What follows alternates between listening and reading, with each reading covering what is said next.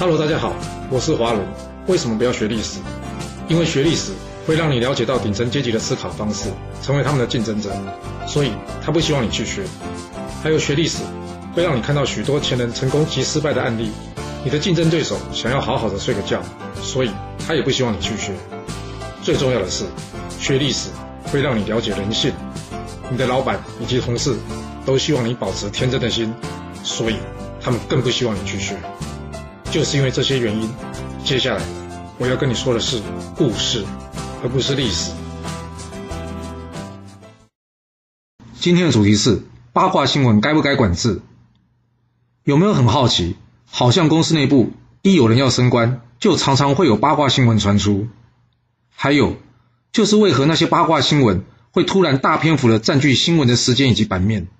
你知道这些事情背后的原因吗？让我们来说一个故事吧。春秋初期的齐国国君齐襄公，也就是春秋五霸齐桓公的老爸，他因为乱伦呢，结果在国内被大家指指点点。为了压制这些对他不利的舆论，齐襄公决定了，他要透过战争来移转国内的注意力。为什么战争可以移转人民的注意力呢？你想想看呐，一打仗就要死人，死的是谁？绝大部分是平民百姓嘛。那。你会关心自己的生死多一点，还是别人八卦多一点？所以战争当然会移转国内人民的注意力啦。齐襄公想利用战争移转人民的注意力，但是该打谁呢？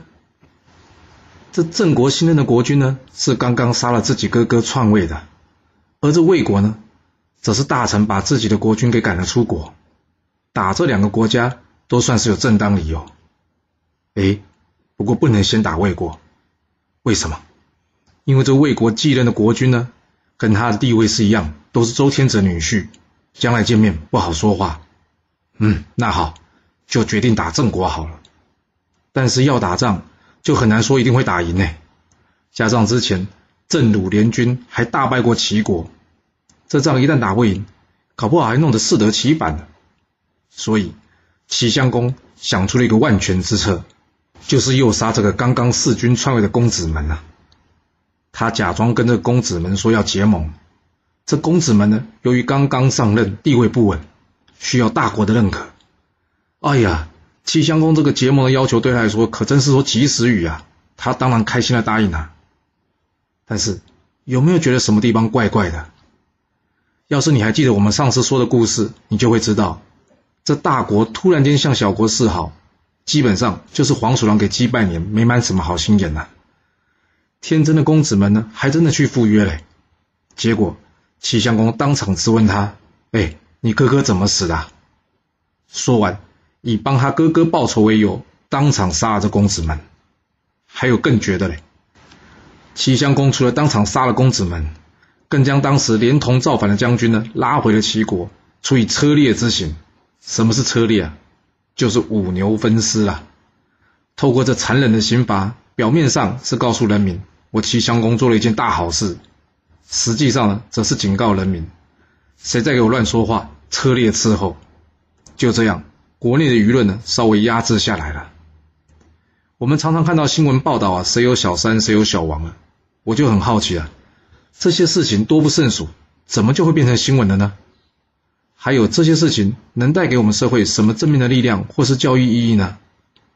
有朋友跟我说：“哎，你不懂啊，这些新闻呢。”是为了满足观众窥探名人私生活的欲望，同时也平衡了这些名人或是高高在上的人，其实也不是那么完美、那么好的心理落差啦。嗯，这个说法有点道理。不过，你听了上面齐襄公诱杀郑国新君公子们的故事后，或许也会有另外一种想法：大国想要移转人民的焦点，透过战争的方式就可以了。毕竟在当时，齐国是大国嘛。那小国呢？小国不太可能出兵攻打别人吧？要移转人民的注意力，可以从打击不法权贵、严重社会事件，或是八卦新闻来着手。而这八卦新闻呢，可以说是比较廉价又有效的手段。换句话说，就是性价比比较高了。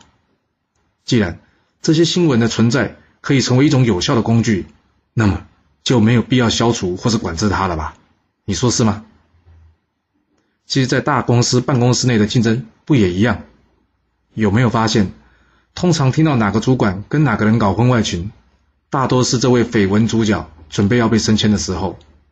回想一下，你在听到绯闻时，你是关心这位主角多一点，还是他背后的原因，以及对你带来的影响会多一点呢？好啦，我们今天先说到这。如果你就是不听我的劝，想知道完整版的故事内容，你可以从说明栏找到我爱故事频道的连结。不过记住哦，你是来听故事的，而不是来学历史的。